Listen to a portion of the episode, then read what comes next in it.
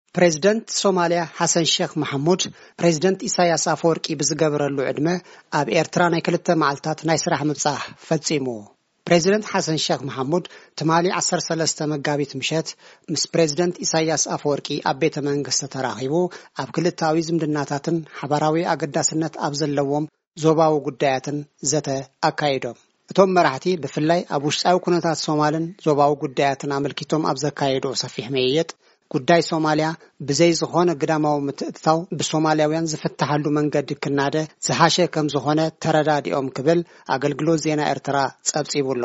ፕረዚደንት ሓሰን ነቲ ምብጻሕን ዕላምኡን ኣመልኪቱ ንማዕከናት ውሽጢ ሃገር ኣብ ዝሃቦ ሓበሬታ፣ እቲ ምብጻሕ ኣካል ናይቲ ቀጻሊ ምምኽኻር ምዃኑ ጠቒሱ፣ ምስ ፕረዚደንት ኢሳይያስ ብዛዕባ ህሉው ዝምድናን ናይ መጻኢ መደባትን ክልቲኤን ኣሓት ሃገራት፣ ምዕባለታት ውሽጣዊ ጉዳያት ሶማል፣ ውጽኢታዊ ደገፍ ኤርትራ ንሶማል፣ ከምኡ'ውን ብሓፈሻ ኣብ ኣገደስቲ ዞባዊ ጉዳያት ዕዉት ዘተ ከምዘካየዱ ገሊጹ።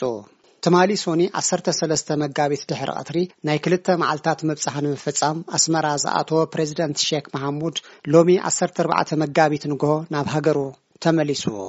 እዚ ከምዚ'ሉ እንከሎ ምክትል ኣቦ ወንበር ልኡላዊ ባይቶ ሱዳን ጀነራል መሓመድ ሓምዳን ዳጉሎ ትማሊ ዓሰርተ ሰለስተ መጋቢት ኣብ ኤርትራ ናይ ሓደ መዓልታት ምብጻሕ ፈጺሙ። ጀነራል መሓመድ ሓምዳን ዳጉሎ ኣብቲ ናይ ሓደ መዓልቲ ምብጻሕ ምስ ፕሬዚደንት ኢሳይያስ ኣፈወርቂ ኣብ ቤተ መንግስቲ ተራኺቡ ኣብ ክልተኣውን ዞባውን ጉዳያት ዘተኮረ ርክብ ኣካየዱ። ኣብቲ ርክብ ፕሬዚደንት ኢሳይያስ ኣፈወርቂ ኣብ ሱዳን ዘሎ ኩነታት ምትእትታው ይበዝሖን ብዝተፈላለዩ ማዕከናት ዜና ካልእ ትርጉም ይወሃቦን ስለዘሎ ኩነታት ሱዳን ብሱዳናውያን ጥራይ ክፍታሕ ጽኑዕ መርገጺ ኤርትራ ከምዝኾነ ገሊጹ። ፕረዚደንት ኢሳያስ ብተወሳኺ፣ ሰራዊት ሱዳን ሉእላውነቱ ተሓልዩ ካብ ካልእ ፖለቲካዊ ጉዳያት ሓራ ብምዃን እወታዊ ተራ ንኽጻወት ናይ ኤርትራ እምነት ምዃኑ ኣስሚሩሉ።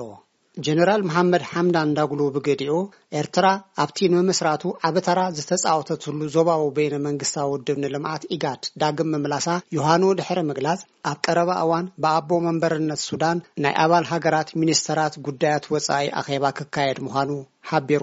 ኣብቲ ርክብ ሚኒስትሪ ጉዳያት ወጻኢ ዑስማን ሳልሕን ኣምባሳደር ኤርትራ ኣብ ሱዳን ኣቶ ዒሳ ኣህመድ ዒሳን ተረኺቦም ከምዝነበሩ ኣገልግሎት ዜና ኤርትራ ጸብጺቡ'ሎ። ብርሃነ በርሀ ንድምጺ ኣሜሪካ ኣስመራ።